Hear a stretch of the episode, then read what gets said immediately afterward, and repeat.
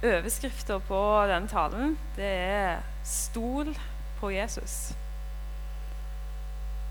Og egentlig nå så skulle jeg ønske at um, jeg kunne fortalt dere om mange veldig inspirerende ting fra denne sommeren som har vært. Eh, jeg skulle ønske at jeg kunne fortalt om både misjonsreiser og helbredelser. og inspirert dere til bare gå ut og fortelle evangeliet. Så ut evangeliet om Jesus til de som dere har rundt dere, og fortell dere masse vitnesbyrd om hvordan jeg har fått lov til å gjøre det i sommer og sett så mange flotte resultater og alt det der. Jeg håper jo at uh, det som jeg skal få lov til å dele med dere i kveld, blir eh, inspirerende. Eh, ja, det er en kilde med, med liv, med levende vann. Noe som veller fram til evig liv. noe som er vann for livet deres. Det blir ikke et vitnesbyrd om alt det som jeg har fått gjort ifra, for Gud denne sommeren. Eh, men det blir et vitnesbyrd om alt det Gud har gjort for meg i sommer. Han har kommet med levende vann eh, inn i et stykke tort menneske. Um, og det har jeg lyst til å dele litt med dere. Skal vi bare be litt. Jesus, eh, takker og priser deg for at eh, du er her midt iblant oss. Jeg har lyst til å bare proklamere ut at du er kongenes konge. Du er herrenes herre. Du er himmelens og jordens skaper. Du er den som har alle tider, alle ting i dine allmektige hender. Av deg, ved deg og til deg er alle ting, Jesus. Og takker og priser deg for at du ønsker å plassere oss midt i din kjærlighet midt i din nåde og tilgivelse. Jesus, jeg ber om at du kommer med din hellige ånd. Eh, jeg ber om at du åpner hjertene våre, øynene våre og ørene våre for, for deg og ditt ord. Eh, her vi sitter. Og så takker jeg for at det er levende, det du kommer med. Det er ikke noe som bor innenfor disse fire veggene. Det er noe som hører livet til Jesus. Herre, må du med din hellige ånd plante ditt ord inn i oss, sånn at vi ber det med oss. Som kan leve og gå på dine løfter om at du står med Jesus.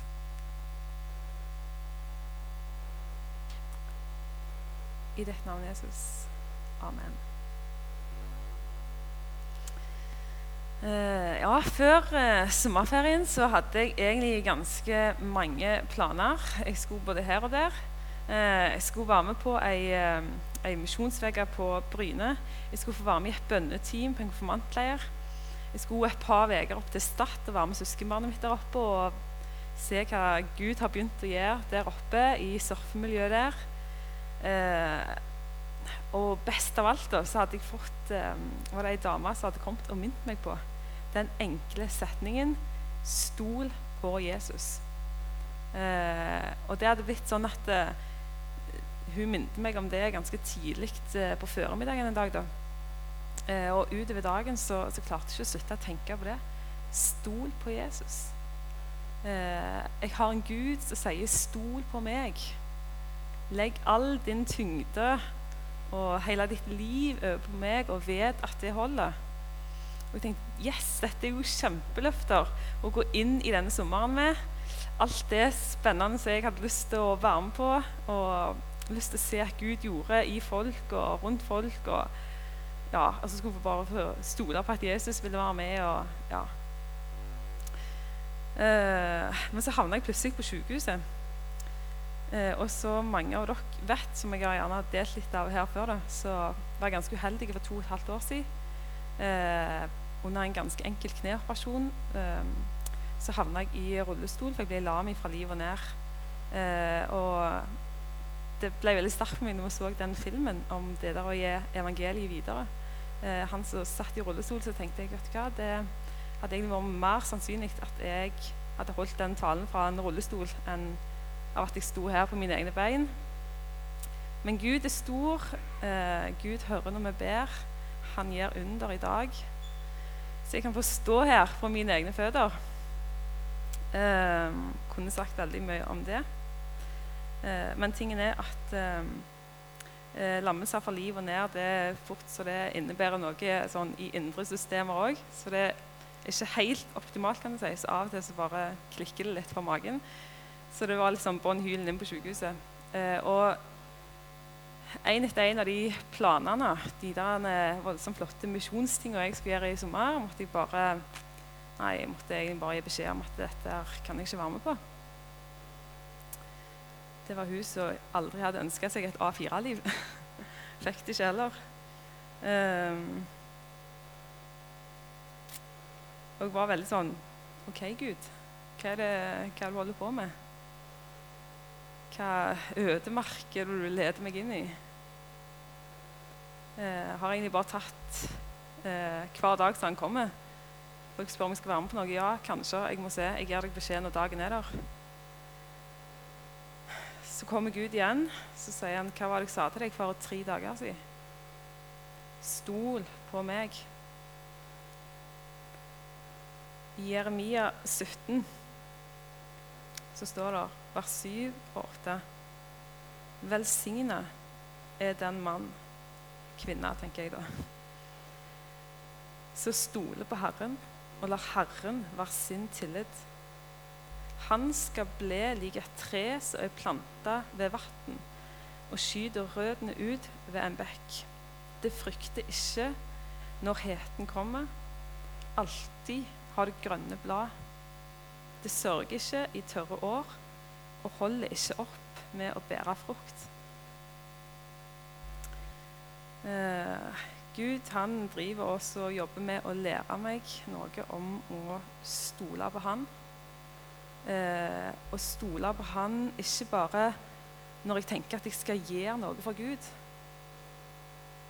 eh, men å stole på Han på et enda mer grunnleggende nivå i livet faktisk når jeg ikke kan gjøre noe.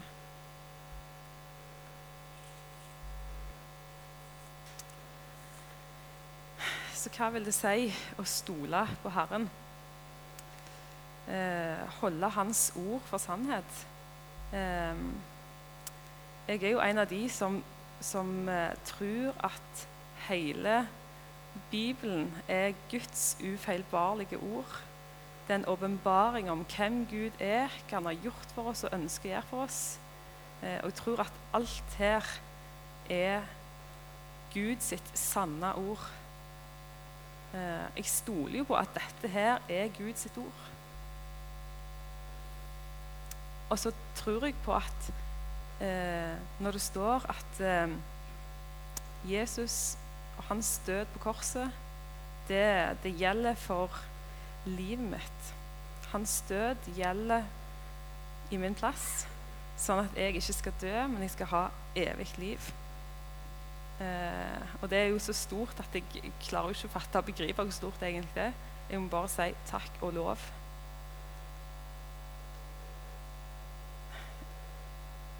Jeg skal få stole på at det som Jesus har gjort for meg på korset, er nok til å tilgi meg alle mine synder.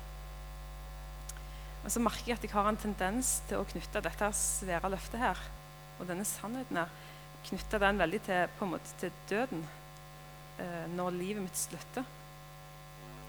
Eh, at det først og fremst da liksom, det virkelig blir avgjørende for meg at Jesus har dødd for meg. Men det som er så fantastisk, da, at Jesus han er ikke bare interessert i min død, men han er interessert i livet mitt. Og det, det korset som han eh, dør på, det, det strekker seg utover hele livet mitt og hele livet ditt. Det er noe å leve på, og det er noe å dø på.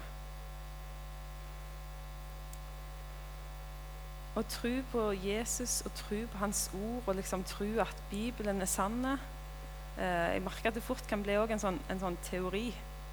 Eh, jeg kaller meg kristen, og ja, jeg tror på Bibelen.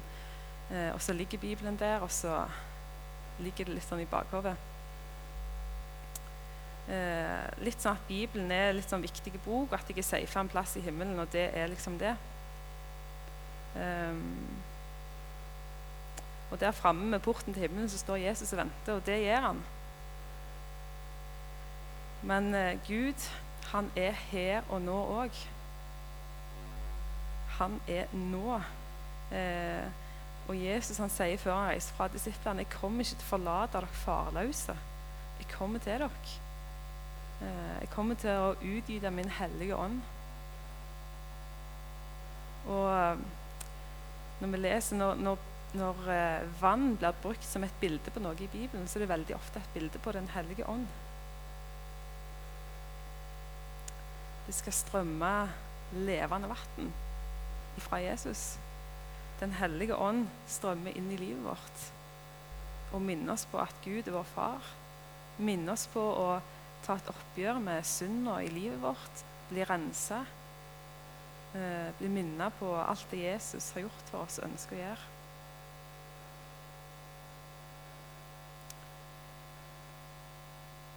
Um, å stole på Jesus handler om dette.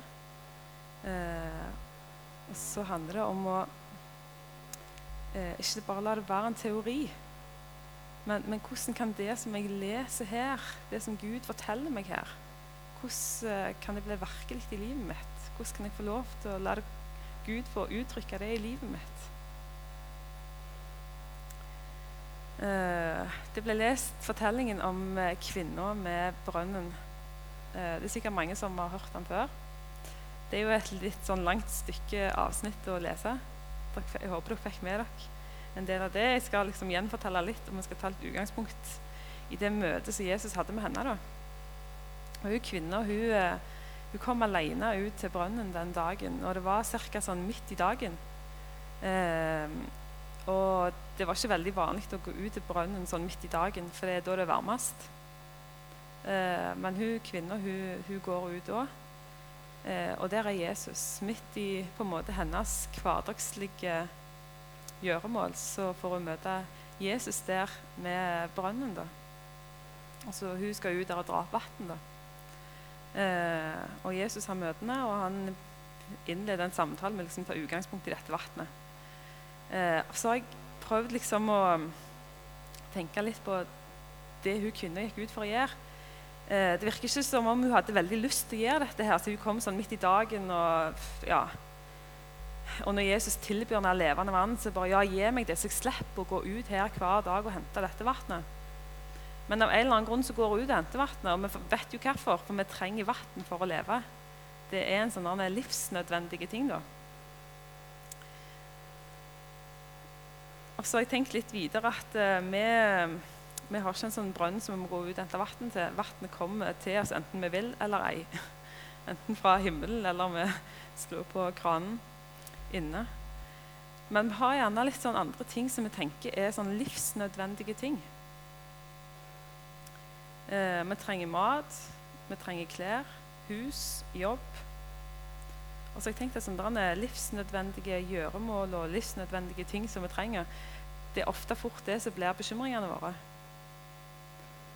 Um, og så er det jo dette her forbrukersamfunnet òg som vi er en del av, som vi lever midt oppi, så hele tida prøver å minne oss om at vi trenger noe.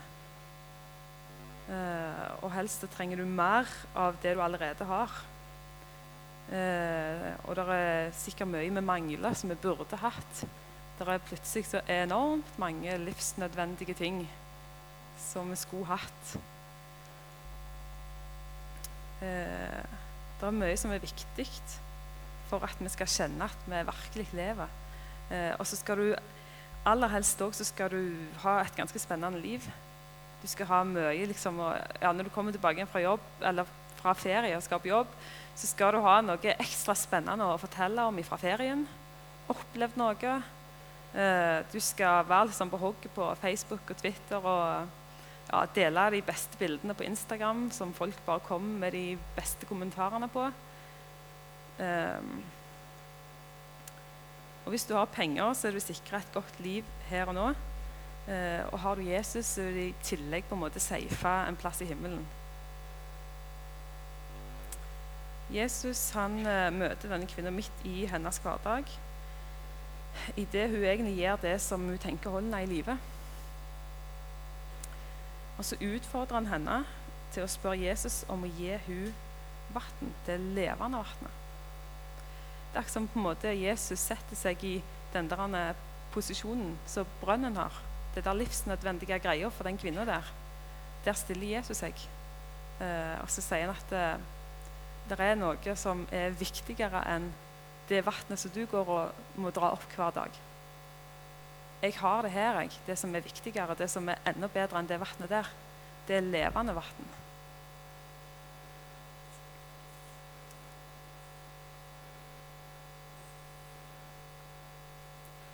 Eh, og så sier han at eh, jeg er den som virkelig gir liv, evig liv. Og så sier han at det evige livet det starter nå. Eh, for de begynner å snakke litt om ja, hva fjell er det vi skal tilbe på. Sant? Hun forstår på en måte at eh, Jesus må være en profet eller et eller annet sånt. Og vi vet at når Messias kommer, så, så skal han fortelle oss alt. og vi skal liksom, Jødene tilber på det fjellet, og vi, skal tilbe, eh, vi tilber på det fjellet. og liksom, ja, begynner å snakke om det, så sier Jesus um, å tilbe Faderen, det handler om uh, Nei, den time kommer, og den er nå. Eh, når de sanne tilbederne skal tilbe Faderen i ånd og sannhet. Tida er nå for å tilbe Faderen. Så jeg, har jeg tenkt liksom, å tilbe Faderen Det handler jo om å, å gi Gud den plassen han fortjener å ha. Eh, som Herre, som Gud Eh, og som den han ønsker å være for oss. Jeg føler liksom at um, Når Jesus møter denne kvinnen, her, så er det en invitasjon til et liv der Jesus er den som ønsker å forsørge.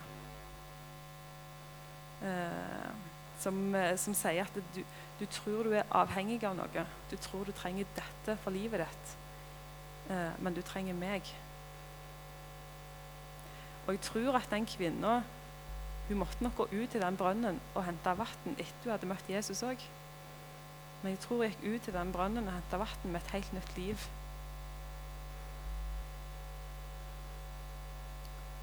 Å stole på Jesus, det er å gi han forsørger ansvaret for våre liv.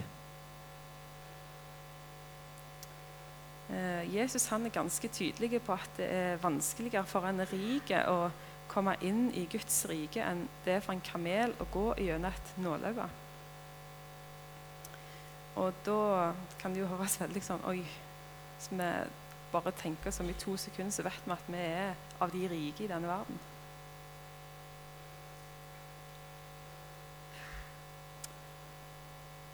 Så sier en for mennesket så er, så er det umulig, men for Gud så er alt mulig.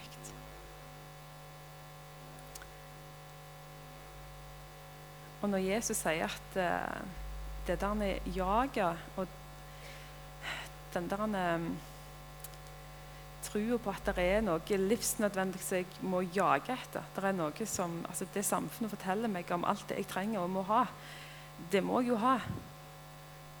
Uh, men jeg tror Jesus ønsker å komme med en egentlig fantastisk invitasjon til oss i dag som sier at 'jeg er livets kilde'. Det er jeg som gjør at du står opp om morgenen, som gjør at du puster.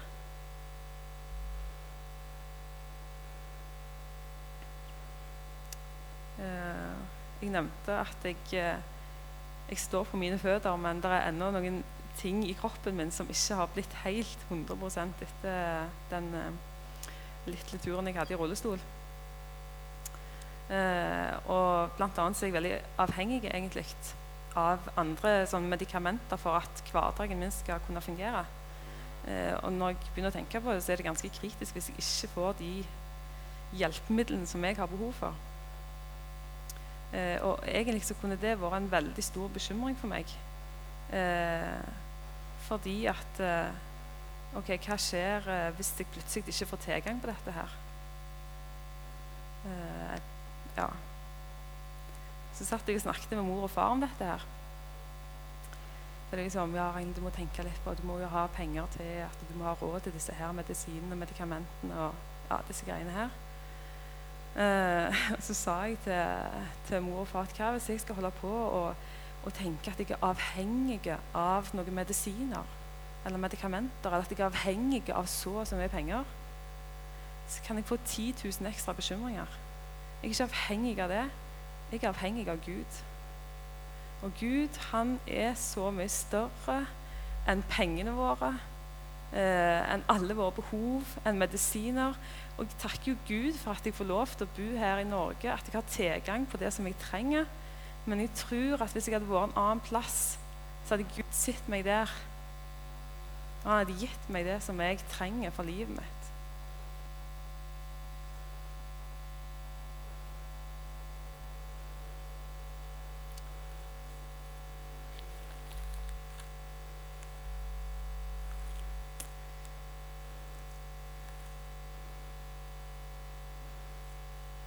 I bergpreg og i, i Matteus 6 så sier Jesus derfor sier jeg dere Vær ikke bekymra for livet, hva dere skal ete, hva dere skal drikke.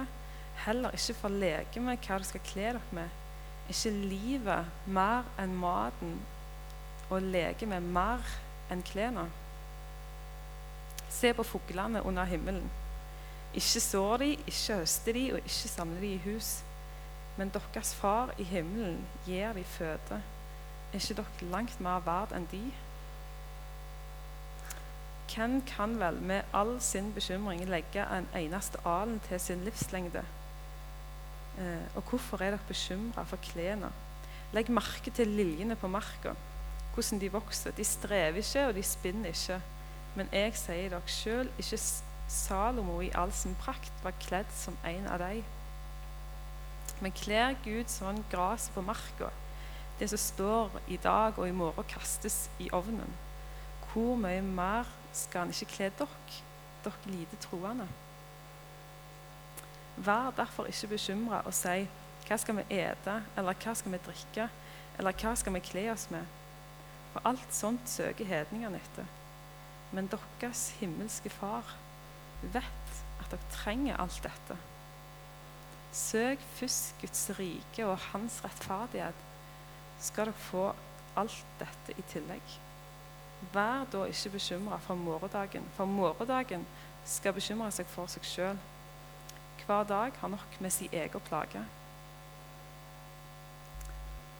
En sånn anbefaling å bare stå opp om morgenen og lese det før du begynner dagen. Og så er det ganske ja, det er fantastisk hvordan ting kommer i rekkefølge noen ganger i Bibelen. Jeg vet ikke om du har lagt merke til det. Men rett før dette avsnittet om at vi ikke skal være bekymra, så sier Jesus dere kan ikke ha to herrer. Dere kan ikke tjene både Gud og mammon. For enten så vil dere hate den ene og elske den andre, eller han vil holde seg til den ene og forakte den andre. Dere kan ikke tjene både Gud og mammon. Og mammon er et bilde på penger um, materielle ting. Og så kommer det som en sånn Ja, på grunn av det, at dere ikke kan gjøre det altså Derfor sier jeg dere, vær ikke bekymra. I det dere på en måte, dere kan ikke tjene både Gud og mammon, men ikke vær bekymra. I det dere velger å tjene Gud, så skal dere få alt det dere trenger for livet deres. Jeg har eh, ei venninne og, og, mannen hennes som eh, har vært to år i Mali og bodd blant eh, Kasonké-folket. Eh, og jeg synes det, er sånn, det er veldig spennende å høre når de forteller fra sånn, dagligdagse ting der eh, i Mali. Da. Eh, og så er det ofte sånn at når du, når du får lære om en annen kultur, eh, og ser hvordan de lever, så kan vi gjerne òg se litt av vår egen kultur. Det er ikke alltid at det er kjempebra, alt det vi holder på med. Eh, og så fortalte Møyfri litt om eh, han her trollmannen da, i landsbyen. Og hvordan disse folka eh, ja, de gikk til trollmannen før på en måte neste steg i livet. da. Eh, hvis de skulle investere i et eller annet, så var det liksom å gå til trollmannen og forhøre seg. Ble de syke, så er det liksom å gå til trollmannen. Eh, og så merker jeg liksom at når hun forteller om det, så er det å herlighet, liksom. Gå til trollmannen og høre om de tingene der. Uff, liksom, De må jo forstå at det, det nytter jo ikke. Hva er det de holder på med? Så begynte jeg å tenke litt på mitt eget liv. Eh, hva er det som styrer mine neste skritt i livet mitt? Hvis jeg tar meg sjøl i nettbanken.no eller srbank.no Det er liksom, Jeg lurer på om jeg gjerne skulle Å ja, tror du ikke skulle gjort det, Gud? Bare vent, jeg skal bare inn og sjekke. um, og så er det sånn at veld, veldig ofte da, når vi går inn gjerne på nettbanken, så så er det ikke underskuddet vi sliter med, men det er litt mer overskuddet. 'Å ja, det var ekstra penger denne måneden. Hva skal jeg gjøre med de?' Hva gjør det med livet mitt? Alt jeg har rundt meg, alle tingene mine, pengene mine. Hvordan får det lov å styre livet mitt?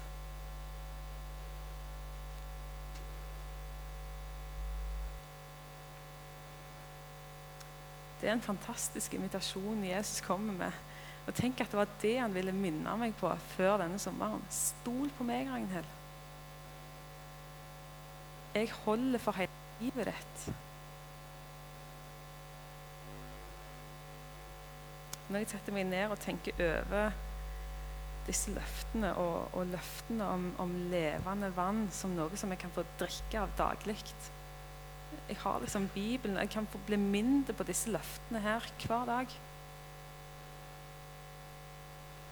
Eh, når Gud minner meg på at han vil ta ansvaret, og han vil forsørge meg, eh, så er det jo fantastisk. Men så er det liksom det å stole på dette, da.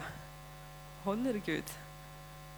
Um, og, og, jeg har valgt å stole på at Gud holder. Men det er ikke sånn at jeg alltid Og nå tviler jeg aldri på at noe kan gå galt. Jeg bekymrer meg aldri. På ingen som helst måte. Uh, jeg må øve meg i å, å la Gud få lov til å være den som forsørger meg. Jeg må øve meg i å bare gå til Bibelen da når jeg er bekymra.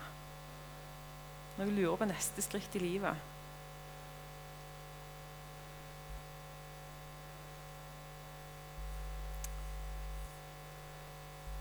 Kan jo spørre oss hvem er du, Gud? Så kan si dette, da. At jeg kan få stole helt på deg. Hvordan kan jeg vite at dine løfter virkelig kommer til å holde? Hva når livet gjør vondt? Når du har sagt at du alltid vil stå med meg? Eh, når du har sagt at eh, hvis du ber om helbredelse, så skal du bli frisk, så står jeg her og så er jeg jo ikke frisk, liksom. Hva da? Moses han, eh, han fikk et oppdrag fra Gud. Han skulle få føre israelsfolket fra fangenskap til frihet. Og Moses var veldig usikker på kan jeg, på en måte, kan jeg være den som du vil sende, Gud? Meg? Kan jeg stole på at det du sier nå, Gud, det kommer til å holde? Det kommer til å skje? Hvordan kan jeg vite at du var med meg? Du kan lese om dette her i andre Mosebok, i kapittel 3, der når Gud og Moses står i denne her samtalen. Og så sier, sier Gud etter Moses, 'Jeg vil være med deg.' Og du skal få et tegn av meg på at jeg er med deg. Og det er at når dere har reist ut av Egypt, så skal dere holde en gudstjeneste på Sina i fjell. Og så først tenkte jeg, så tenk at Moses fikk et tegn liksom, på at Gud ville stå med. Jeg òg vil ha et tegn. Og så tenker jeg gjennom det tegnet, da, så er det sånn I etterkant, på en måte. Altså jeg vil være med deg, og det skal du vite. For etter du har vært, på en måte, fått ført folket mitt ut fra farao og Egypt, da skal dere holde en gudstjeneste på det fjellet.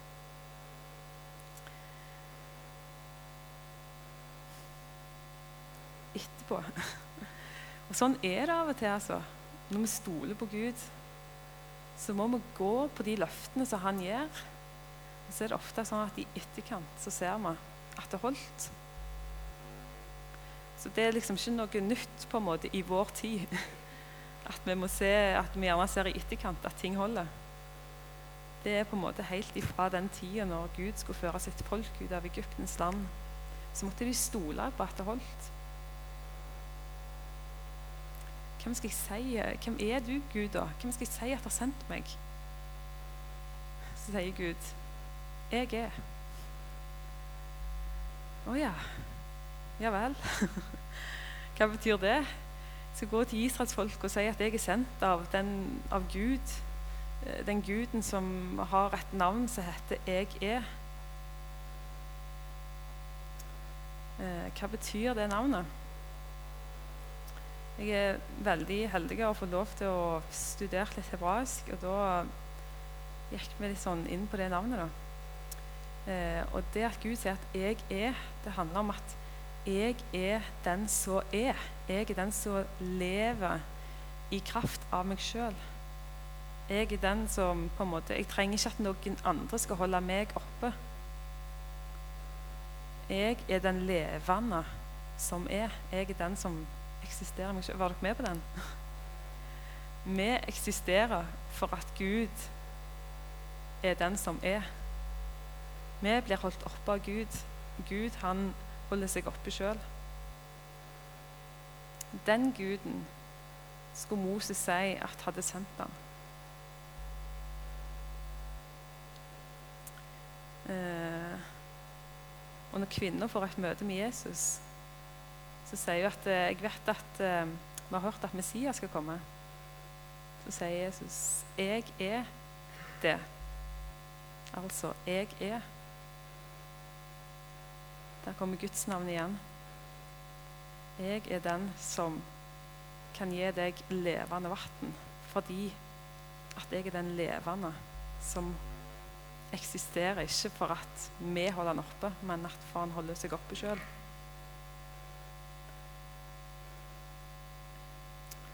Eh, å stole på Herren det er å holde fast på de løftene som Han har gitt, sjøl når alt ser ut til å gå i en annen retning.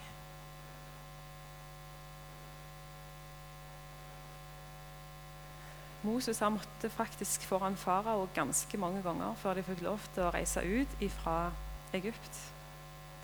Um,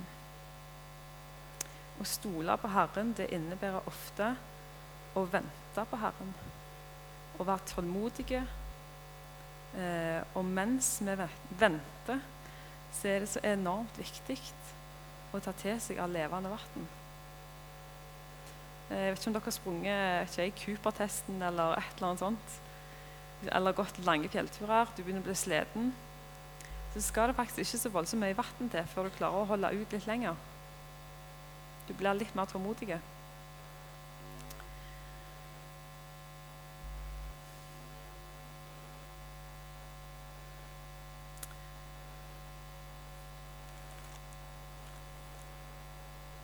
Velsigna er den mann som stoler på Herren og lar Herren være sin tillit.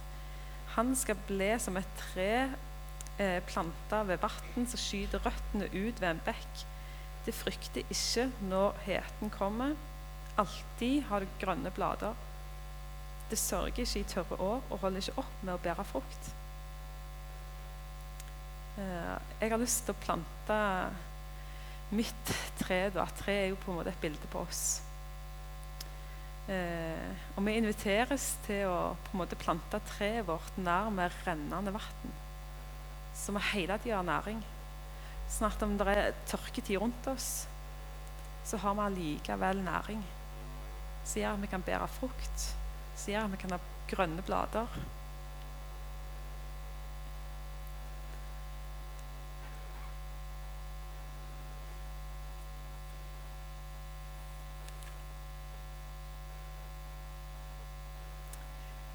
De som venter på Herren, får ny kraft. De løfter vingene som ørner. De springer og blir ikke utmatta. De går og blir ikke trette. Uh, i, gjennom denne sommeren så har jeg venta mye, egentlig. Eh, Gud har prøvd min tålmodighet. Eh, og så er det så enormt godt å være en del av et større fellesskap som oppmuntrer, som kommer med ord, eh, som kommer og bare ber for meg. Eh, og Gud han har virkelig kommet med levende vann inn i min ventetid. Eh, når jeg ser tilbake på denne sommeren, så tenker jeg dette har vært en annerledes sommer. Dette har vært en god sommer.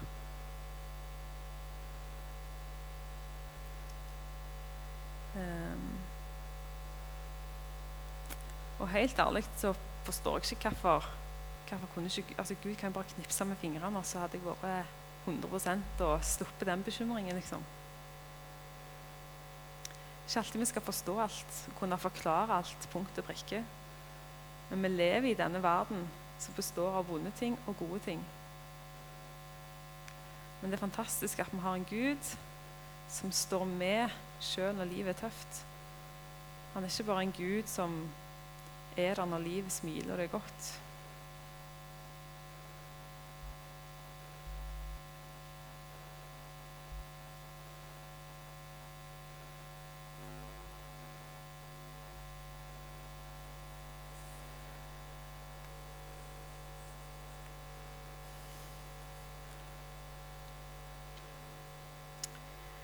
Jeg har lyst til å lese ei salme litt sånn til avslutning. Jeg vet ikke om dere eh, har fulgt med på alt som er blitt som jeg har sagt nå. altså. Men hvis dere skal huske én ting, så er det stol på Jesus. Eh, og Jeg har lyst til å lese Salme 23, eh, og så skal, jeg, skal, vi spille en sang som kommer her i anlegget etterpå. Så det blir litt tid til bare å tenke gjennom. Det som hvis Gud har minnet deg på noe eh, og den sangen er Salme 23, men jeg har lyst til å bare lese den òg. Eh, for den salmen den, den, begynner med Herren er min hyrde. Jeg mangler ingenting. Og Herren, der er det navnet. Det der er jeg er-navnet. Det er det som er brukt. Altså han som lever og eksisterer, som holder alle ting oppe. Han er min hyrde. Og derfor mangler jeg ingenting. Eh, og litt sånn grammatikk. Akkurat nå studerer jeg norsk, så jeg har liksom vært litt innom sånn språkfag de siste åra. Derfor blir det litt grammatikk. Eh, men det ordet 'å mangle' sant? det er et verb. Eh, det står i en form som heter imperfektum. Og på hebraisk så er imperfektum når, når på en måte verbet står i den formen der så handler det om noe som varer ved, altså noe vedvarende. Eh, på en måte som en sånn gjentagelse. Eh, det er liksom ikke bare én gang for lenge siden så mangla jeg ingenting. Men det er noe som på en måte holder på hele tida. At Herren er min hyrde, jeg mangler ingenting. Det er noe som gjelder hele tida. I, på engelsk så står det 'I won't be wanting'. Jeg vil på en måte ikke ha noen behov eller ja. Herren er min hyrde, det mangler meg ingenting. Han lar meg ligge i grønne enger. Han leder meg til hvilens vann. Han styrker min sjel. Han fører meg på rettferdighetsstier for sitt navns skyld. Om jeg enn skulle vandre i dødsskyggens dal, frykter jeg ikke for vondt, for du er med meg. Din kjepp og din stav, de trøster meg. Du dekker bord for meg like for mine fienders øyne. Du salver mitt hode med olje, som et beger flyter over. Bare godhet og miskunnhet skal etterjage meg alle mitt livs dager og jeg skal bo i Herrens hus gjennom lange tider. Jesus, eh, jeg takker deg for at du er til å stole på. Eh, og jeg ber deg om at eh, at vi bare skal få lov til å senke skuldrene våre, legge livet vårt i dine hender. og vite at du har alt som vi trenger for hele livet. Herre, jeg ber om at du kommer med din hellige ånd og viser sannheten om våre liv. Sånn at vi kjenner at vi trenger deg, Jesus. Du ser midt i vår rikdom, Jesus, så ber jeg om at du i sannhet får komme og vise oss hvem du er, og hvor enorme frihet det er å få lov til å ha deg som vår forsørger istedenfor pengene mine, eller hva det måtte være. Herre, jeg ber om at min tillit ikke skal være i mine ting og mine prestasjoner, men at min tillit skal være i deg, i det du har gjort mulig, i det du døde på korset og åpna en, en, vei til himmelen. Fri adgang fram foran de troende, Herre. Jeg bare ber om at du løfter ditt åsyn utover flokken her. Kommer med din velsignelse. at Du kom med din fred, Herre. I ditt navn, Jesus. Amen.